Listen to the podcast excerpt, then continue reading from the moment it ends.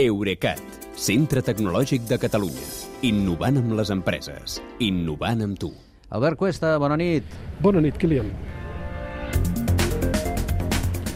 Tornem a connectar amb ell. Abans ja l'hem sentit amb aquest to que sembla que ens estigués explicant un secret. No és això, és que està al tren i ha de fer aquesta tonalitat i aquest volum de veu. Escolta'm, Albert, eh, com dèiem, la Generalitat ha presentat avui els primers fruits de l'ús del satèl·lit en Xaneta per monitoritzar el territori, eh? Com dèiem, la Generalitat ha presentat avui els primers fruits de l'ús del satèl·lit en Xaneta per monitoritzar el territori. Aquesta estació plena de sensors que dèieu està instal·lada en una villa del Pallars Jussà per captar dades del sol i ha servit per comprovar que és viable desplegar sensors en llocs on no hi ha cobertura de mòbil i captar les dades des de l'espai per enviar-les a una estació terrestre on les recopilen i s'analitzen. De fet, si us fa gràcia, a la web de l'Institut Cartogràfic de Catalunya podeu xafardejar en temps real aquestes dades cada vegada que l'enxaneta sobrevola territori català, cosa que passa un parell de cops al dia. Val a dir que aquesta prova inicial s'ha fet en un lloc on sí que hi ha cobertura de mòbil, però és precisament per poder comparar les dades que es transmeten per la 4G terrestre amb les del satèl·lit. I ara que han comprovat que el sistema funciona, segurament eh, s'aniran desplegant més sensors en llocs on realment no hi hagi cobertura de mòbil.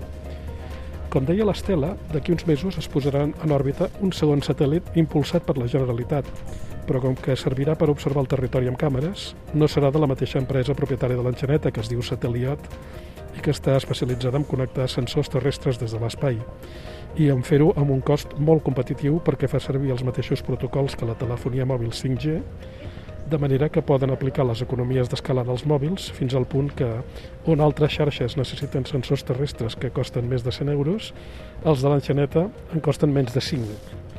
Ara bé, Sateliot també prepara un segon satèl·lit per anar construint una constel·lació pròpia.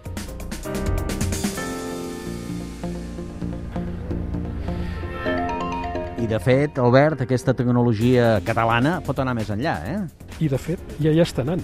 L'enxaneta estarà impulsat per la Generalitat i, de fet, el govern té contractada en exclusiva la seva cobertura mentre sobrevola territori català. Yeah. Però Sateliot està oferint el mateix servei a la resta del món i ja té en marxa al Brasil un projecte per connectar sensors agrícoles, o sigui, semblant al d'aquí, i a l'estat nord-americà de Nou Mèxic li acaben de donar permís per desplegar un sistema de detecció de les tempestes de sorra a les autopistes.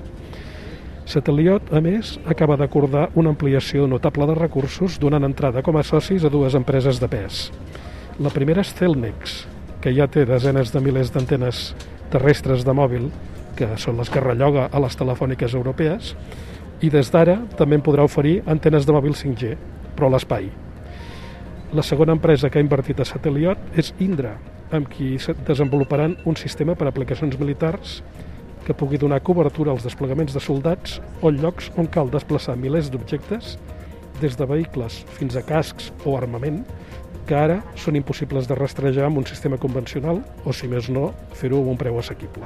Doncs Albert, moltes gràcies. Agraeix també als companys de viatge que no els haguem molestat gaire i has fet un to més baix i que vagi bé el viatge de tornada. Apa. Bona nit, Kilian. Adeu. Fins demà. Eurecat, centre tecnològic de Catalunya. Innovant amb les empreses. Innovant amb tu.